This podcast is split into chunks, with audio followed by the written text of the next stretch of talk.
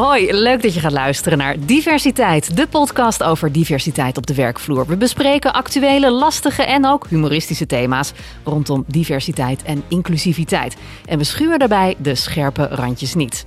En deze keer gaan we het onder andere hebben over hoe je diversiteit meeneemt in je business en de samenhang met andere HR-thema's, zoals welzijn en verzuim. Mijn naam is Hannelore Zwitserloot en ik zit hier weer met Renzo Deurloof, oprichter van Greenfox Social Return. En ook Leiding, managing director van Harvey Nash Nederland. En ze praten weer mee vanuit hun eigen ervaringen en vanuit hun eigen bedrijf. Welkom weer heren, jongens. Wel, Hannelore. Fijn er weer te zijn. Yes. En deze keer is onze gast Ronald Nieuwenhuis. Hij is Lead Inclusive and Healthy Workspace. En hij zegt eh, bij KPN, bij KPN, laat ik dat vooral niet vergeten. En hij zegt hier zelf over op LinkedIn: diversiteit van teams en leiderschap vraagt om een inclusieve cultuur. Een cultuur waar je kunt zijn wie je bent, waar gezegd kan worden hoe je denkt en dat iedereen de vrijheid voelt om kleur toe te voegen aan de discussie vanuit ieders kracht en perspectief. En in mijn functie voel ik me verantwoordelijk om dit mogelijk te maken voor KPN. Nou, Ronald, dan is meteen duidelijk waarom je hier zit. Ja, nou, welkom. Dat kan maar duidelijk zijn. Dankjewel. Ja als belangrijk persoon binnen de organisatie van KPN. Wat is jouw definitie van diversiteit? Ja, nou, diversiteit gaat over ons allemaal, zeg ik altijd maar. En het, het gaat gewoon over hoe uniek wij zijn als mensen. En uh, daarom gaat het ook ons allemaal aan en hebben we ook allemaal een verantwoordelijkheid om er nou, bewust mee aan de slag te gaan. En, en welke elementen binnen diversiteit uh, zijn belangrijk voor KPN? Welke onderlinge verschillen? Ja, nou vaak hebben we het natuurlijk over wat meer de zichtbare kenmerken, zoals geslacht, eh, leeftijd, culturele achtergrond. Maar ik denk dat wel degelijk hè, talenten, opleidingsachtergrond, uh, maar ook bijvoorbeeld neurodiversiteit, dus hoe onze brein uh, werken, ook ontzettend uh, belangrijk is. En wat doet KPN om ja, ook die mensen aan te trekken en te behouden? Nou, daar gaan we dit jaar actiever mee aan de slag. Dus we gaan een programma opzetten om enerzijds ook te zorgen dat leiders zich bewuster zijn van de mogelijkheden hieromtrent. Um, maar we hebben binnen KPN best wel wat mensen vermoedelijk vanuit het spectrum zitten van oudsher. Omdat techniek doorgaans ook een uh, sector is waar uh, nou, veel mensen zich thuis voelen. Ja, tuurlijk. Met, met echt wel een passie daarvoor. Ja. ja. ja. En uh, hoe gaan jullie daar precies dan invulling aan geven? Nou, dat begint in eerste instantie met wat meer bewustwording om kennis te vergroten. Dus veel mensen kennen dit nog niet. Nou, dat merken we hier aan tafel gelijk ook al. Dus, dus daar begint hij eigenlijk gewoon mee. En ook in, nou ja, hoe kun je daar goed leiding aan geven? Wat hebben de mensen nodig om fijn hybride te kunnen samenwerken? Hè, bijvoorbeeld weten we dat uh, voor veel mensen die, die, de kantoortuinen zoals we die hadden, nou, mm -hmm. geen optimale werkplek zijn om te kunnen floreren. Dus daar heb je wat faciliteiten om te doen. Ja, dus dat is heel concreet. Um, maar hebben jullie ook echt targets als KPN? Nou, op dit uh, thema, uh, of op deze dimensie van diversiteit niet. Hè? Mm -hmm. uh, op andere dimensies wel degelijk. Vertel. nou, laten we gewoon eens beginnen bij genderdiversiteit ja. vandaag. Ja? Ehm, nou, daar werkt KPN al jarenlang aan. Al in zo'n 2008 dachten we van... hé, hey, we zijn toch wel een erg masculien bedrijf van oudsher. Hè, vanuit die oude PTT. Daar willen we gewoon verandering in brengen. Dus we hebben op genderdiversiteit op vier verschillende functielagen... een soort concrete doelstellingen naar de toekomst toe... Uh, en dat begint uiteraard in de top. Hè. We vinden die representatie in de top ontzettend belangrijk. En uiteindelijk uh, willen we dat natuurlijk voor de hele organisatie op alle functielagen ook. En is dat gelukt? Uh, nou, Want we zijn, inmiddels heel wat jaren verder. Klopt. Nou, we zijn nog niet waar, we, waar we hadden willen zijn misschien. In de top zijn we aardig op weg. Dus zeker. Um, en ik moet ook zeggen dat met een aantal jaar geleden, toen ik startte, hebben we gewoon een heel nieuw target setting gemaakt voor de, voor de, voor de toekomst. Um, ja, de tijd is gewoon veranderd, de arbeidsmarkt is anders. Dus um, op een aantal uh, nou, doelen zijn we goed op weg. En op sommige hebben we ook nog wel uitdagingen. Waar heb je die doelen bereikt? Sorry dat je onderbreek.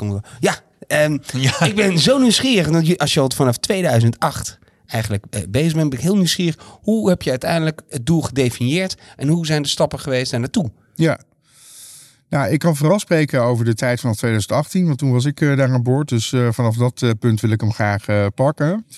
Um, is dat het begint gewoon met een concrete ambitie vanuit de hele top definiëren. Dus waar willen we over een mhm. aantal jaar als bedrijf staan en daar gewoon ook letterlijk een getalletje aan hangen. Maar goed, een streefcijfer is niet alleen genoeg. Hè. Je hebt ook een aanpak te definiëren, je moet ook helpen. En een van de nou ja, toch wel succesvollere interventies die we hebben gedaan, is dat we werken met een zogeheten teamcompositie aanpak. Dat betekent dat we eigenlijk op, op teamniveau kijken wat is nou nodig hier om uh, de team diverser te krijgen vanuit de gedachte dat het nou, vanuit een divers team meer high performing dus je is. kijkt per team. Ja, zo zijn we begonnen, zeg maar, Ja, in de topteams. Eh, waarbij de leider vervolgens aan het sturen is om in een periode van ongeveer zo'n anderhalf jaar eh, de benodigde verandering te brengen. En daar pakken we dus genderdiversiteit eh, mee als dimensie, maar ook leeftijd en dienstjaren. Dat we denken dat eh, de optimale mix ook zorgt voor de juiste verfrissing, de juiste uitzet-inblik. Ehm, maar ook dat je, ja, leeftijd, generaties brengen ook verschillende Ja, tuurlijk. invalshoeken en perspectieven mee. Hè? Dus eh, ja. Je zei Mooi. net, we zijn aan de top begonnen. Ja. Ehm, eh, heeft dat ook een voorbeeldfunctie? Merk je ook dat dat omdat mensen aan de top diverser zijn dan dat ze in het verleden waren, dat dat doorcijpelt gewoon in, hey, ik mag hier ook werken? Zeker weten. Sinds ehm, 2019 heeft KPN een eh, zeskoppige raad van bestuur. Er staan daar twee eh, vrouwen, eh, twee mannen, Nederlandse mannen en twee mannen met een niet-Nederlandse achtergrond. En, en je ziet dat dat gewoon ontzettend helpt om gewoon meters te maken in die hele organisatie. En die raad van bestuur die als zeskoppig eh, eh, voorbeeld dient voor de organisatie, hoe, hoe lang duurt het? En, en ik zit hier gewoon te leren, Ronald. Hoe lang duurt het voordat dat doorcijpelt de organisatie in? Gaat dat snel? Nou, weet je, kijk, je kan het niet alleen daarvan laten afhangen. Hè? Dus eh, een diversiteitsaanpak eh, kenmerkt zich ook, denk ik, door ook bottom-up te, te benaderen. Uh, diversiteit is er gewoon hè, in je organisatie. En zeker ook bij een bedrijf als KPN, waar we een ontzettende variëteit hebben aan, aan functies hè, en aan functielagen. Van een uitvoerende monteur tot aan een customer service medewerker tot hele grote marketing professionals en echte techneuten. Dus de diversiteit is er. Dus je hebt wel beide kanten te benaderen. Maar wat wel zo is, en dat is denk ik wel uh, in termen van geloofwaardigheid heel belangrijk, is als je die raad van bestuur op orde hebt en die toplagen, dan wordt het voor de leiders in de lagen daaronder ook vanzelfsprekender om mm -hmm. uh, erop te acteren. Leiderschap, goed leiderschap doet ook wel volgen, geloof ik wel in. Nou is dat een, een bekende formule, hè? dat als je er bovenaan begint met de verandering, dat het doorcijpelt. Maar wat maakt de aanpak van KPN nou uh, anders dan die van andere grote bedrijven? Nou, ik weet niet of dat uh, per se heel veel anders is, hè? dus dat kan ik niet uh, beoordelen. Wat wel zo is, is dat we heel vasthoudend zijn. Dus dat betekent ook dat we er soms voor kiezen om een positie langer open te laten staan als we nog niet de juiste kandidaat hebben vanuit ook het diversiteitsperspectief. Nou, dat, daar kun je ook van zeggen, hey, dat brengt een risico met zich mee in termen van continuïteit of ook resultaten die gehaald moeten worden. Um, en dat staat ook wel van lef met elkaar. Dus ik denk dat we daarin die vasthoudendheid en ook een duidelijke aanpak hoe we enerzijds helpen, uitdagen, maar ook de leider zelf aan het roer zetten. Want dat is denk ik wel belangrijk. Diversiteit mag niet als een soort van huiswerk voelen. Van, oh, dat moet ik ook nog even doen. Je moet het integraal uh, benaderen. Leiders zijn zelf aan het roer um, om hun team um, nou, completer te maken. Ja, we hebben al het gehad over genderdiversiteit, maar ook culturele diversiteit uh, is belangrijk. Ja. Ik hoorde bijvoorbeeld dat jullie bezig zijn met een kookboek. Ja, dat uh, niet bezig, dat is al lang uitgegeven. Oh, is het al uit? Ja. ja. Het is er al. Oh, wat is, goed. Ik had hem eigenlijk mee moeten nemen. Ja. Eigenlijk wel. Ja, eigenlijk, wel. wel. Ja. Nee, weet je, dit is een heel mooi voorbeeld. Hè? Dus ook wat ik net zei over dat bottom-up benaderen van diversiteit. Is dat we hebben een medewerkersnetwerk, uh, dat heet kleurrijk uh, KPN. Voor culturele diversiteit en mensen die graag willen leren over diverse culturen in onze organisatie. En die had eigenlijk bedacht om um, een kookboek te maken met uh, daarbij recepten van uh, verschillende medewerkers en persoonlijke verhalen rondom die recepten. Nou, dat heeft geresulteerd in een kookboek met meer dan 80 verhalen en recepten. Wow, wat leuk. En uh, met, nou weet je, echt ook hele mooie, diverse verhalen. En daar staan van allerlei heerlijke gerechten in. uit alle windstreken van de wereld. En wat we hebben gedaan, eigenlijk, de Raad van Bestuur vond het zo'n leuk idee. Dat we dit als onderdeel van het eindejaarsgeschenk van 2021 hebben meegestuurd. Dus we hebben ook echt een oplage van 13.000 boeken. Wow, wow, dat is gelijk een bestseller. Nou, Ja. zou je denken. Ja, dat zou ik denken. Dat is zo. Dat is zo. Ja, Geweldig. Ja. Ik zou heel graag... eh, volgens mij heb je een van de... Nou, we hebben al vaker mensen met een hele leuke functie gehad. Nou, jij hebt ook een van de leukste functies. Hoe ziet nou zo'n dag eruit? Hè, dus we hebben een team, ik noem iets. En het zijn 20 blanke mannen van rond de 50. En je wil het diverser maken. En ze komen bij jou. En je zegt, nou, want kom. Hoe gaan we dit nou eens een keer oppakken? Nou, je vraagt eerst naar een gemiddelde dag. Die uh, vraag komt niet zo actief op een gemiddelde dag naar voren. Dus, eh, eh, ehm, maar om op je eerste vraag even door te gaan. Kijk, het werk van een manager diversiteit is lijkt leuk, maar is niet altijd per se leuk. Want het is ook moeilijk en schurend en pijnlijk soms. En dat zit hem in dat je met een onderwerp bezig bent waar ook een soort onrecht of ongelijkwaardigheid natuurlijk in zit. Ja. Eh, en dat wil je verbeteren. Ehm, en om dat te kunnen verbeteren moet je ook snappen waar het in je eigen organisatie soms niet lekker loopt. Waar eh, knelpunten zitten. Nou, en dat aanhoren maakt het niet altijd leuk. Wat er wel leuk aan is, is dat je er veel creativiteit in kwijt kunt om dingen echt op te lossen. En zodat voor mensen de organisatie gewoon beter wordt. Dus het eh, resultaat kan heel bevredigend zijn. Ja, en als je naar een gemiddelde dag kijkt, ja, die is gewoon, weet je, ik heb overleggen met medewerkersnetwerken. Dan zit ik weer eh, slides te maken om eh, afdelingen voor te lichten, te trainen soms ook. Hè. Ehm, eh, ik moet benchmarks invullen. Ik moet programma's ontwikkelen. Want dat doe ik ook veel. Hè. Bijvoorbeeld, denk aan een intern mentorprogramma. Hoe, hoe koppelen we divers talent aan senior leiders om zo ook eh, mooie netwerken te openen. Mhm. ja. Dus daar moet je een beetje aan denken. Ja, soms een podcast opnemen. En de podcast een keertje opnemen, een video. Ja. Ehm, social return invullen, nou jou bekend. Hè? Ja, dat zit ja. ook in mijn functie. ja, tuurlijk. Jullie hebben natuurlijk veel gemeentelijke klanten. Ja, Ja, en eh, ministeries en Ja, ook. provincies. Ja, Hey, en wat is nou een van de teams waar je het meest trots op bent? Dus daar heb je, waar je echt je stempel op kunnen drukken. En ook als voorbeeld binnen de organisatie. Nou, weet je, niet zozeer een specifiek team. Want uiteindelijk, ik ben, weet je, de businesses blijft verantwoordelijk voor dit thema. Dus ik jaag aan, ik stimuleer, ik inspireer en ik help waar nodig. Maar uiteindelijk, de leider is aan roer. Dus ik kan niet zeggen van, nou, er is één team, daar ben ik mega trots op. Maar waar ik als geheel wel trots op ben, is de beweging die we hebben gemaakt. In, in ieder geval die, nou, noem maar even een top 300 van onze organisatie, waar het onderwerp ademt, waar het leeft, waar actief wordt gevraagd naar hoe eh, kan je me helpen. Eh, want die vragen leven natuurlijk heus wel.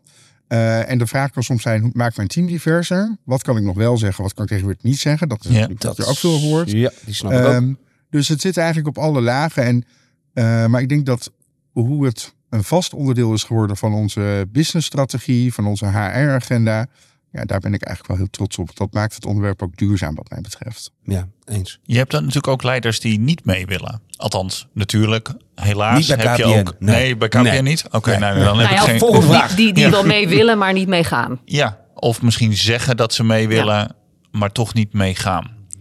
Focus je je dan op hun? Of zeg je van nou, zij die mee willen, daar focus ik me op, daar stop ik energie in.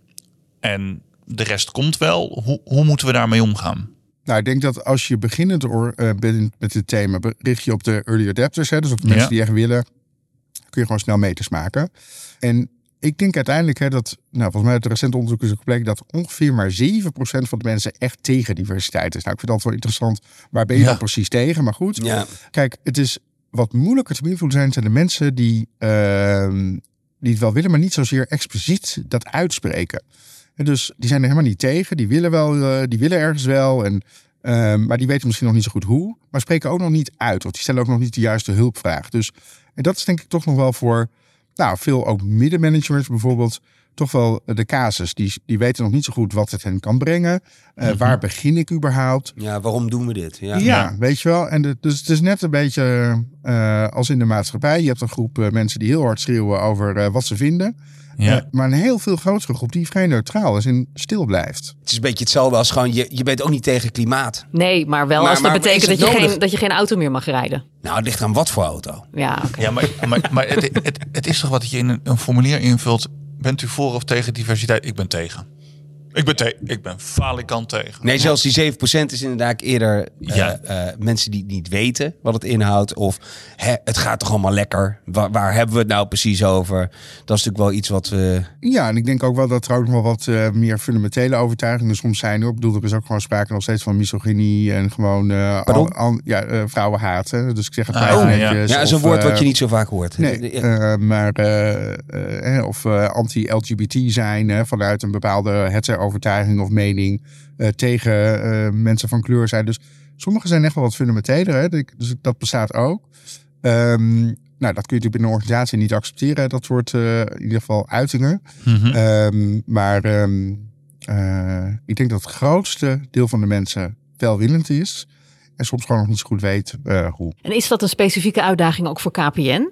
Als, als ja, beetje ouderwetse organisatie misschien wat het vroeger was? Ja, ja, ja precies. Want ouderwets, ja, dat vind ik interessant. Waarom ouderwets? Nou ja, omdat je zegt ook hè, van die oude PTT. Ik kan me voorstellen dat een deel van de oude garde er nog zat. Dus dat het echt wel iets was om tegenop te boksen in 2008. Maar in 2008, toen, jij begon, was het waarschijnlijk toch wel, veranderd. En ze waren overal. Hè? We hadden ja. grote telefoonboeken, we hadden telefooncellen. En we kregen toch ook de opmerking, hoe lang zit je al aan de telefoon?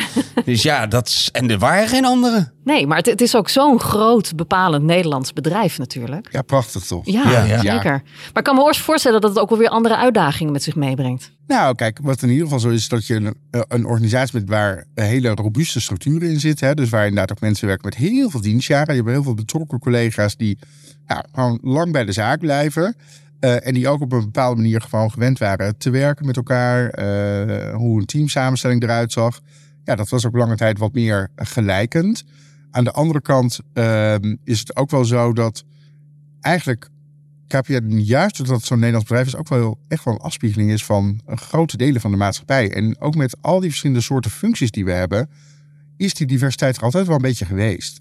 Alleen er is natuurlijk gewoon expliciete aandacht voor. En dat horen wij ook wel eens terug. Van joh, ja, maar ja, ik werk altijd al uh, samen in uh, diverse teams. Dus uh, laat gewoon lekker, gaat hartstikke goed. Ja, dat is er ook, weet je. Dus, um, um, maar kijk, heel eerlijk, hè, op man-vrouw representatie. KPN heeft 22% vrouwen in dienst. Dat mag nog een tandje meer, ik. Ja. Je zei al eerder, af en toe schuurt het een beetje. Af en toe is het pijnlijk, misschien een klein beetje ongemakkelijk. Hè? Want het gaat toch om een, een cultuuromslag. Waarom doe jij dit werk? Ja, nou dat gaat uh, best wel ver terug eigenlijk. Ik uh, kom zelf uh, een beetje uit het, nou niet helemaal oosten van, van de Veluwe, zeg maar. Um, en ik wist al vrij jonge leeftijd dat ik op mannen viel. Dat was voor mij eigenlijk nooit het probleem. Maar ik wist wel dat nou, ik wel een beetje anders was. En ik ben op, de 13, op mijn dertiende heb ik dat tegen mijn moeder gezegd. Joh, ik geloof dat ik op jongens val. Nou, dat vond ze geen probleem.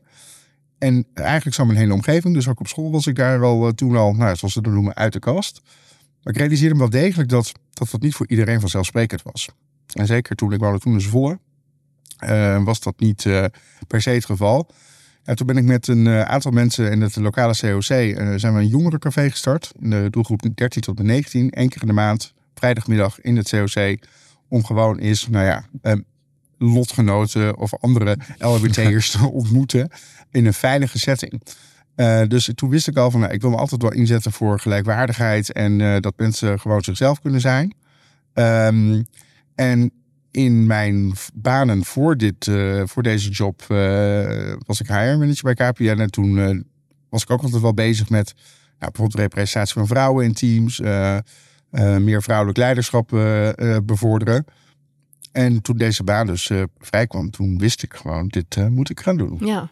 en, let je bijvoorbeeld ook wat meer op um, ja, meer gender issues? Kan ik me voorstellen? Dat je bijvoorbeeld hè, meer representatie hebt in de LHBTI-groep? Zeker. Daar zijn we bij KPN uh, ook Omdat ik je dat nog niet heb horen noemen, namelijk specifiek. Nou, dat is goed dat je het zegt, want daar doen we ontzettend veel aan. Daar worden we ook overigens door omerkend. Hè. Dus we hebben een paar, twee jaar geleden hebben we een Diversity Award gewonnen vanuit Wink Magazine. Dat we de meest inclusieve werkplek zijn voor LBT'ers voor, voor dit jaar. Um, daar doen we ontzettend veel aan. Zo hebben we bijvoorbeeld ook in onze CAO beleid verankerd voor um, regenbooggezinnen en geboorteverlof. Dat dat bij de wet nog niet oh, gelijkwaardig is geregeld. Mooi. Maar ook het transitieverlof voor transpersonen. Nou, daar zijn we een van, een van de weinige bedrijven in die dat in de CAO hebben verankerd. Wat goed. Oh, dat is heel mooi, ja. ja. Dat hoor je inderdaad ook bij, bij het adopteren van kinderen inderdaad. En uh, dat daar dus niet het normale ouderschapsverlof op zit. Nee. Wat ik begreep. Nee, dan is het nog, ja, dat is een beetje inhoudelijk misschien maar zes weken adoptieverlof. Hè? Dat, uh, dat is op zich de richtlijn in Nederland. Maar in het geval dat je twee, met twee mannen bent die je hebt een draagmoeder, is het alweer anders dan dat je een kindertje adopteert. In het geval van uh, twee mannen met een, vrouw waar co-ouderschap is, zijn er ook weer andere regels, snap je? Dus het, Typisch het, Nederlands, hè? Dan zijn we toch ja, gewoon lekker ouderwets. Precies, nou ja, je hebt gewoon ongeveer zes gezinsvormen die je daarin on zou kunnen scharen. En dan denk je van mensen, oh, maar wat zijn al die vormen dan? Nou ja, uh, voert voor nu te ver om ze uit te leggen. Ja. Maar uh, daar heb je dus wel faciliteiten voor nodig om een gelijkwaardiger speelveld te creëren. En we gunnen iedereen als aankomend of beginnend ouder, hechtingstijd met je nieuwe kind. Tuurlijk. Ja, tuurlijk. Ja. Mooi. Ja, wat goed. Hannelore zei het al in het begin. Business. Ja, Maak je er ook van. Die, vertel. Nou, weet je, ik denk dat eh, hè, als een grote speler in Nederland waar nou, veel klanten dagelijks gebruik maken van onze diensten. eh, hè, en internet eh, toch wel de basis is van eh, ook wel vooruitgang en gewoon meedoen aan het leven. Ja. Het belangrijke is dat je ook dat toegankelijk maakt voor een ieder. Dus dat betekent dat je ehm, nou, bijvoorbeeld denk aan mensen met sensorische beperkingen. Dus het zij auditief of visueel. Dat die ook zelfredzaam gebruik kunnen maken van onze diensten en producten online zelf kunnen navigeren hoe ze een abonnement bijvoorbeeld willen samenstellen. En daar heb je dus wel wat voor te doen, want dat is niet standaard geregeld. Ehm, dus daarom werken we actief aan toegankelijkheid. Dus echt om te zorgen dat iedereen mee kan in deze eh, de digitale tijdperk. Maar ook zijn we bezig met eh, onze andere spelers in Nederland rondom telecom. Om een gezamenlijke propositie te ontwikkelen voor mensen met een kleinere beurs. Wat we natuurlijk ook in de COVID-tijd bijvoorbeeld hebben gezien. Dat eh, ja, juist door het thuiswerken, thuisonderwijs, er ook gezinnen of mensen zijn afgesneden van het, het normale leven. En eigenlijk kun je dus niet meer zonder. Dus dan heb je ook met elkaar de verantwoordelijkheid te nemen om te zorgen dat iedereen een goed werkende verbinding heeft. Dus dat is een element wat ik Ja, eh, graag eh, benoem. Daarnaast hebben we een grote zakelijke markt, hè, waar we ook, eh, nou, denk aan security diensten verkopen, werkplek aan andere bedrijven. En hoe mooi is het als wij daar onze rol kunnen pakken om andere bedrijven te helpen om zelf een inclusief werkgever te worden. En dat hebben we, eh, vorig jaar zijn we daarmee gestart. Door als, eh, door als reseller op te treden voor eh Speaksy. Dat is een applicatie voor eh, dove mensen die real-time gesproken tekst en geschreven tekst omzet. Die kunnen wij meeverkopen in onze werkplekdienstverlening, zodat we onze zakelijke marktklanten ook weer een stapje vooruit helpen in een inclusief werkgever zijn.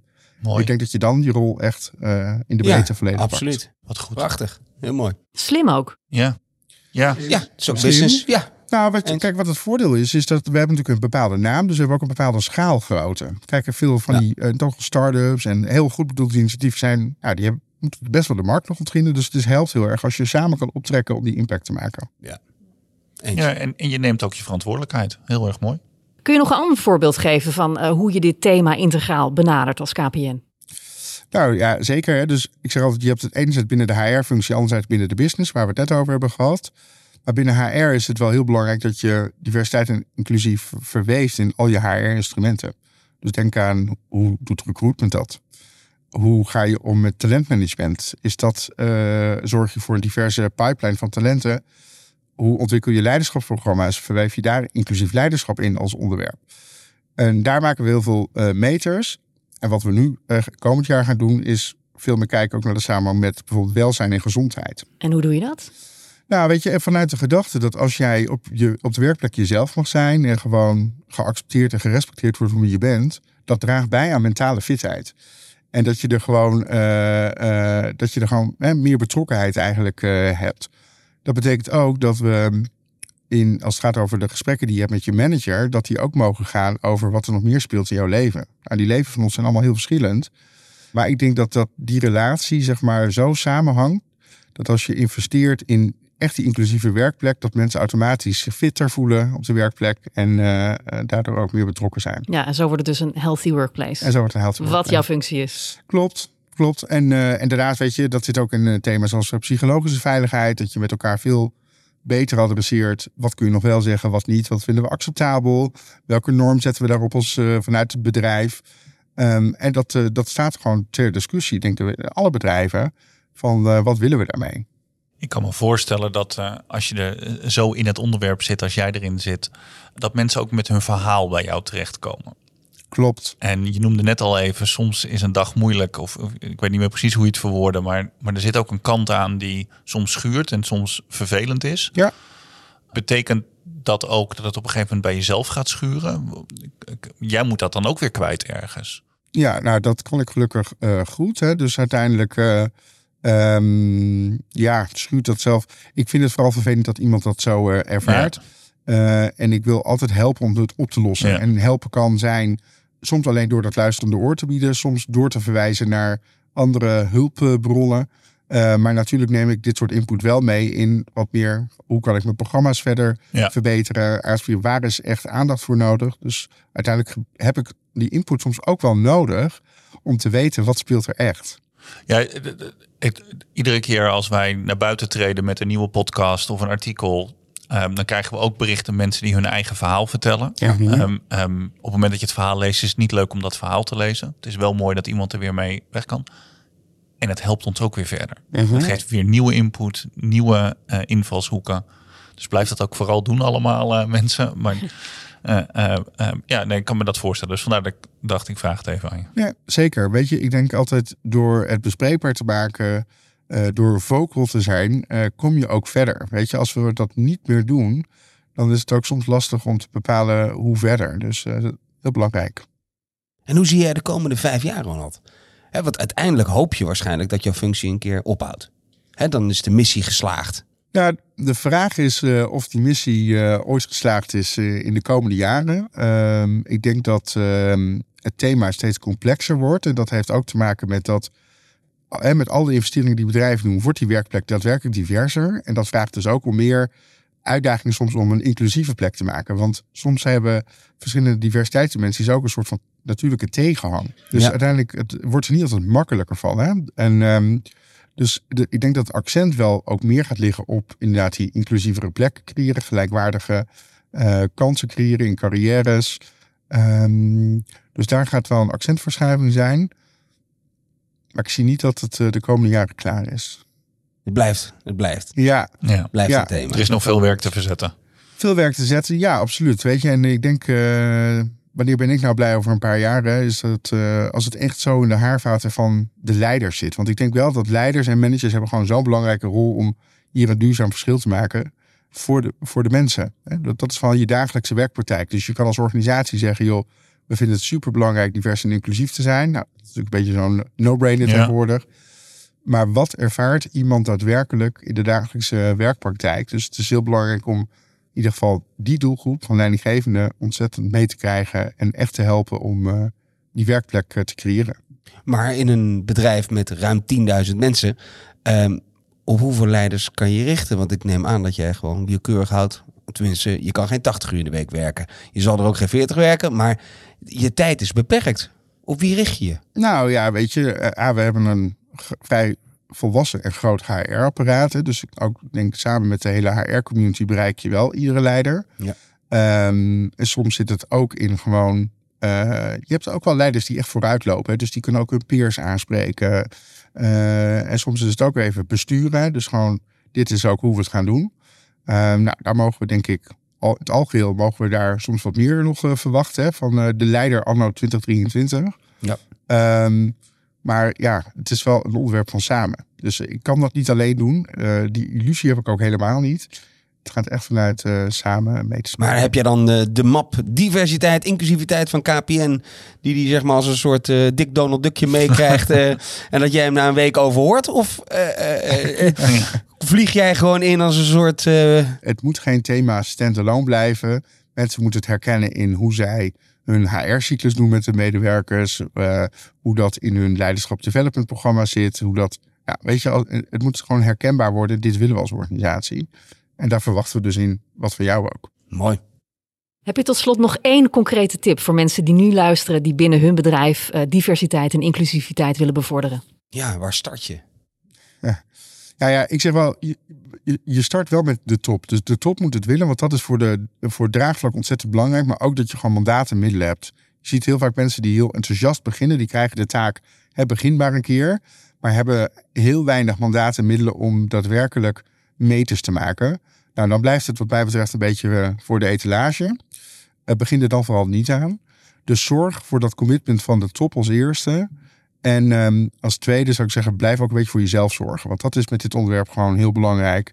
eh, om nou ja, te zorgen dat je er zelf niet aan opvalt. En eh, Ja, die 80-urige werkweek, die maak je zo. Dat geloof ik graag. Ja. precies, het is nooit klaar. Dus Nee. ehm, Inderdaad, Ja. dat zeg je mooi. Ja. Ja. Je zucht er ook een beetje bij. Deze podcast is wel klaar. Is dat goed nieuws? Ronald Nieuwenhuis, bedankt voor het gesprek. En ook al Renzo natuurlijk ook weer heel erg bedankt. En jij bedankt voor het luisteren. En graag tot de volgende aflevering van Diversiteit. En dan hebben we als gast Emma Agricola. Zij is Inclusion en Diversity Specialist bij Van Landschot Kempen en oprichter van Inclusion. Volg Harvey Nash en Green Fox via de socials en volg onze podcast Diversiteit via de site, zodat je niks hoeft te missen. En die site is diversiteit.com.